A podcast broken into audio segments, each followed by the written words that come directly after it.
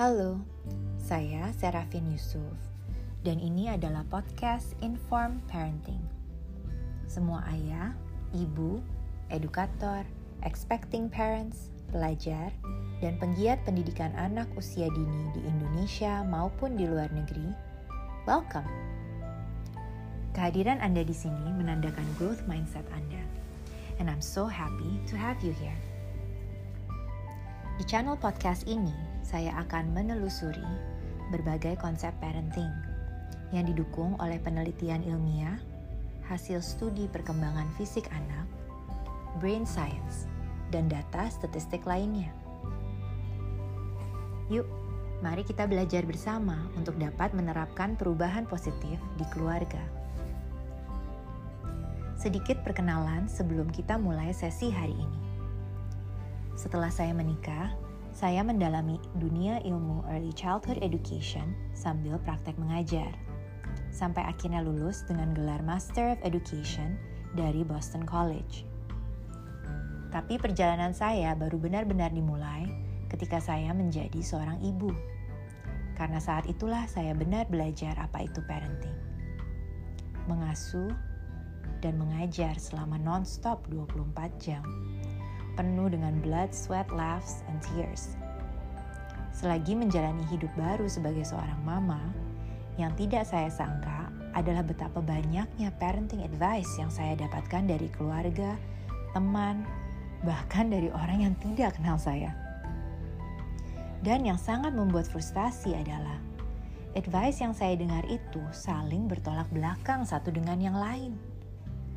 Bagaimana sih kita bisa memilah advice mana yang benar dan yang tidak. Cara parenting generasi-generasi sebelum kita dibanding dengan parenting sekarang sudah banyak perbedaan. The only way we can grow is through change. And the only way we can change is through belajar hal baru. Harapan saya dalam membuat podcast ini adalah supaya keluarga-keluarga Indonesia dapat menerapkan parenting yang tidak hanya mengandalkan naluri, logika, dan tradisi, tapi juga belajar dari hasil penemuan ilmiah tentang anak. Cara ini memastikan ekspektasi kita selaras dengan timeline tumbuh kembang anak. Mari mulai.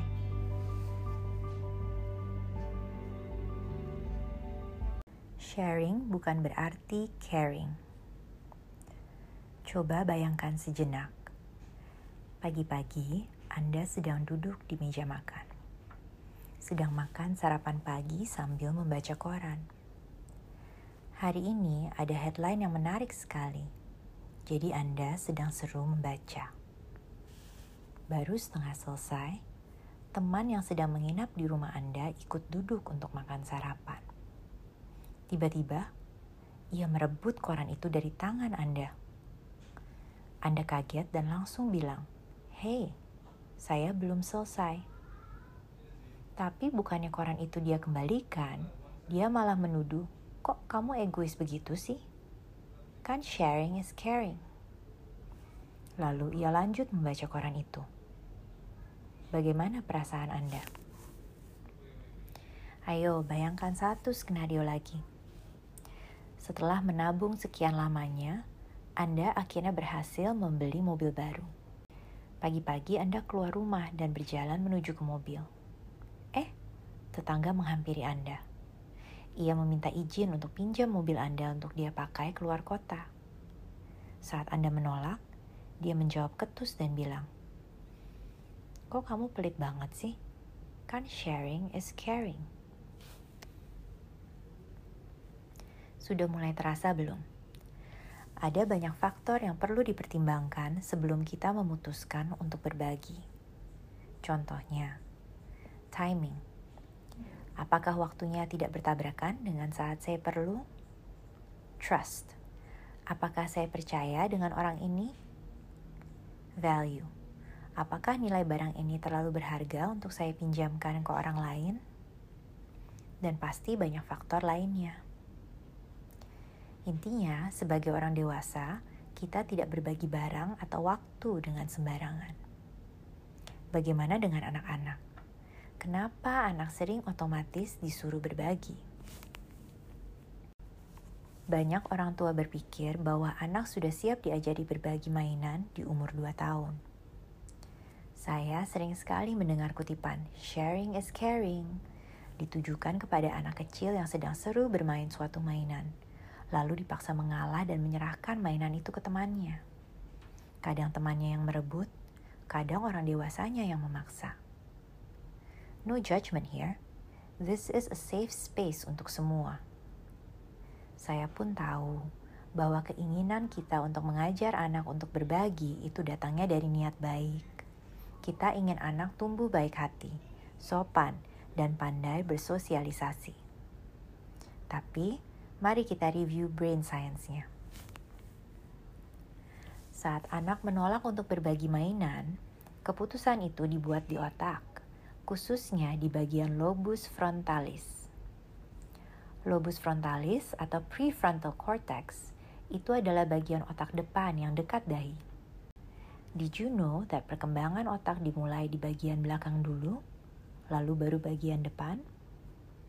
Berarti, bagian lobus frontalis manusia adalah bagian yang terakhir selesai berkembang. Dan kapan itu? saat kita berumur 25 tahun. Wow, that's a really long time.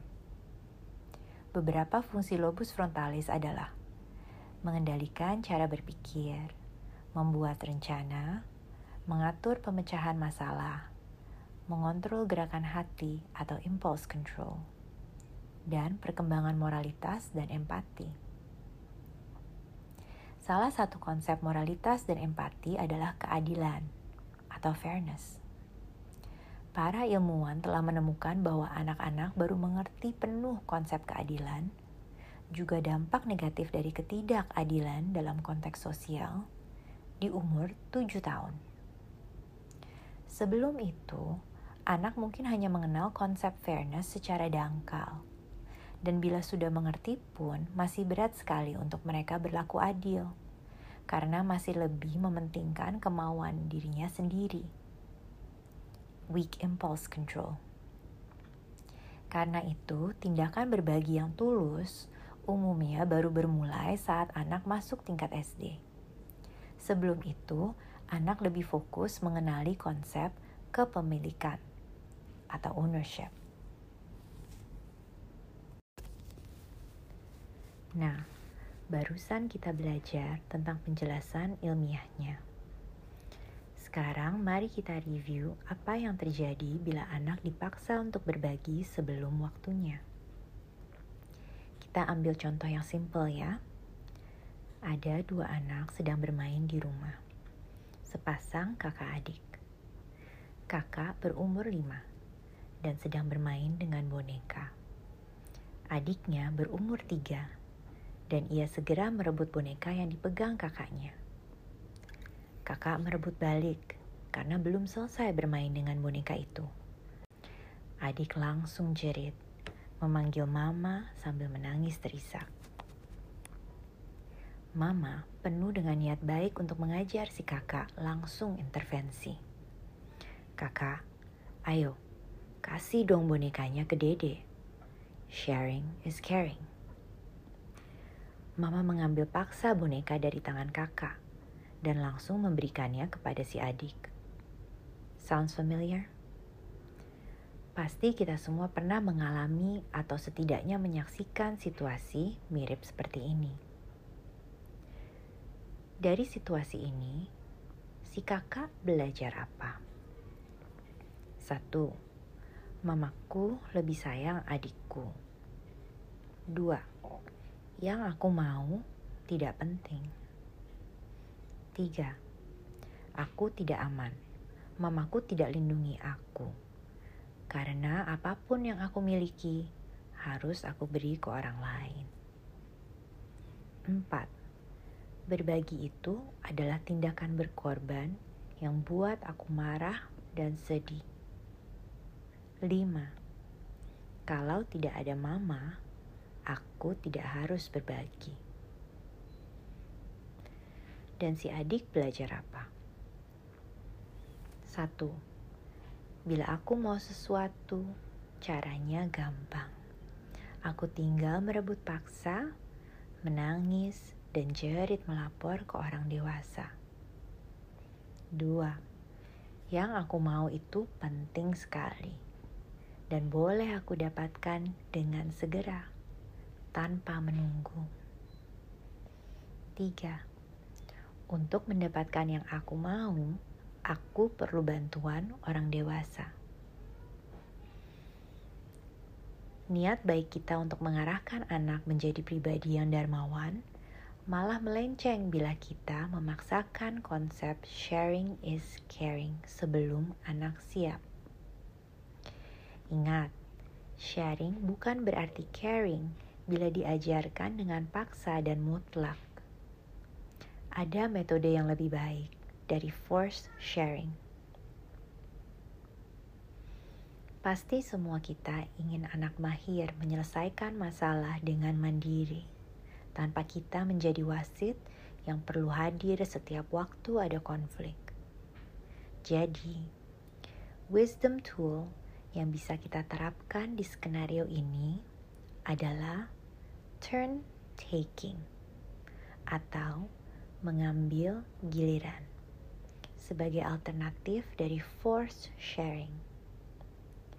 Goal akhir kita adalah untuk anak lancar berkomunikasi langsung dengan teman, mahir bernegosiasi dengan tenang tanpa perlu bantuan orang dewasa. Dalam proses mengajar anak untuk turn taking, ada empat hal yang bisa kita lakukan. Hal pertama adalah ajari anak melanjutkan bermain sampai selesai, lalu membagi giliran. Bantu anak berlatih kalimat-kalimat ini. Tunggu ya, aku belum selesai. Nanti aku kasih kalau sudah selesai. Aku sudah selesai nih. Sekarang giliran kamu. Hal kedua adalah ajari anak untuk meminta dan menunggu giliran. Bantu anak berlatih kalimat-kalimat ini. Hai, aku mau itu please. Kalau kamu sudah selesai main, kasih ke aku ya. Hal ketiga yang bisa kita lakukan adalah lindungi hak anak untuk bermain tanpa dipaksa berbagi. Bila anak baru mulai belajar, pasti ada saatnya tetap rebutan. Saat ini terjadi, kita dapat membantu dengan menjadi teladan sambil menjelaskan kepada anak-anak. Contoh, Dira, bola itu masih dimainkan oleh Raga. Raga belum selesai Ayo, kamu kembalikan dulu. Bila diranya menolak, kita bisa intervensi. Sini, Mama bantu kamu kembalikan ya. Raga, Dira mau sekali main sama bolanya. Kalau kamu sudah selesai, nanti kamu kasih bolanya ke Dira ya. Tunggu Raga setuju. Lalu bilang lagi, Dira, kamu dengar itu? Raga setuju. Nanti saat dia selesai, dia akan kasih bolanya ke kamu. Dengan penjelasan dari orang dewasa di awal, anak jadi merasa aman dan emosinya lebih tenang selagi menunggu giliran. Bila anak terus merebut mainan temannya, kita bisa membantunya dengan memberi jarak fisik. Yuk, ayah bantu kamu tunggu giliran sambil main di sana dulu. Dengan tenang, gandeng atau gendong anak yang merebut terus ke sudut lain ruangan, atau bahkan ke ruangan lain kitanya jangan berekspresi marah atau kaget. Jadi kita ngertiin bahwa anak yang ini belum mahir mengontrol impulsnya. Kita sebagai orang dewasa bertugas membantu dia, bukan memarahi atau menghukumnya. Saat anaknya terlihat sudah tenang, baru kita tanya, "Kamu sudah siap main tanpa rebut legonya Maudi?" Bila ia menjawab iya, boleh kita antar mendekat lagi ke temannya. Bila anaknya merebut lagi, kita bantu ulang dengan sekali lagi memberi jarak fisik. Yang penting kita ingat adalah anak perlu diberi kesempatan berlatih berulang kali. Kadang sukses, kadang gagal. Pelan-pelan mereka akan mulai mengerti dan belajar. Sabar, karena mungkin perlu puluhan atau bahkan ratusan kali latihan. Hal keempat yang dapat kita lakukan adalah bantu anak mengatasi rasa tidak nyaman selagi menunggu giliran. Bila anak marah, sedih, atau menangis saat menunggu giliran, tawarkan mental support dengan kata-kata berempati. Contoh, memang susah ya tunggu giliran. Sekarang Mia belum selesai bermain dengan robotnya. Tapi kalau sudah selesai, giliran kamu. Bila anak perlu dukungan lebih, kita juga bisa bantu dengan memeluk, menggandeng, atau menggendong dia sampai emosinya reda. Lalu, kita bantu anak cari aktivitas alternatif selagi menunggu. Bila ada banyak anak yang menunggu giliran, misalnya di setting sekolah, kita bisa membuat waiting list dengan menuliskan nama mereka di atas kertas. Konsep sabar menunggu yang sebenarnya abstrak menjadi lebih konkret untuk si kecil.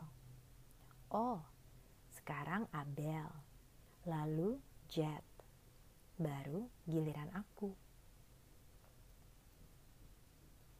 Bila tadi kita sempat review dampak negatif anak bila dipaksa untuk berbagi, sekarang apa sih yang anak dapatkan bila memakai wisdom tool mengambil giliran atau turn taking? Anak dapat belajar. Satu, berbagi itu membuat aku senang. Dua, aku aman. Tiga, aku bisa bermain sampai tuntas tanpa diganggu. 4. Kemauan aku itu penting dan kemauan teman aku juga penting. 5. Aku bisa dengan percaya diri berkomunikasi langsung ke teman. Dan terakhir, yaitu 6 aku mandiri menyelesaikan masalah tanpa perlu bantuan orang dewasa.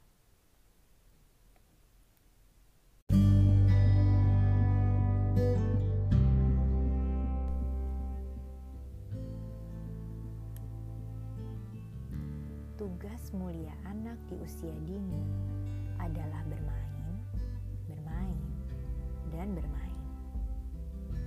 dengan kita menghormati keinginan dan kebutuhan mereka untuk bermain sampai selesai atau deep play, kita membantu anak mengenal konsep kepemilikan. Dengan kita mengajar mereka untuk memberi dan menunggu giliran, kita membantu anak untuk bertumbuh menjadi pribadi yang murah hati dengan healthy boundaries. Selesai sudah sesi kita hari ini mengenai force sharing dan turn taking. Wow, thank you so much sudah mendengarkan podcast perdana dari Inform. Semoga materi hari ini bermanfaat dan bisa inspire perubahan positif dalam parenting keseharian Anda. Dengan menjalankan informed parenting skill hari ini, turn taking, saya harap letusan konflik menjadi lebih jarang saat anak-anak bermain bersama. Dan di rumah pun, semua lebih tenang dan damai. Saya Serafin Yusuf. See you again soon di episode podcast selanjutnya.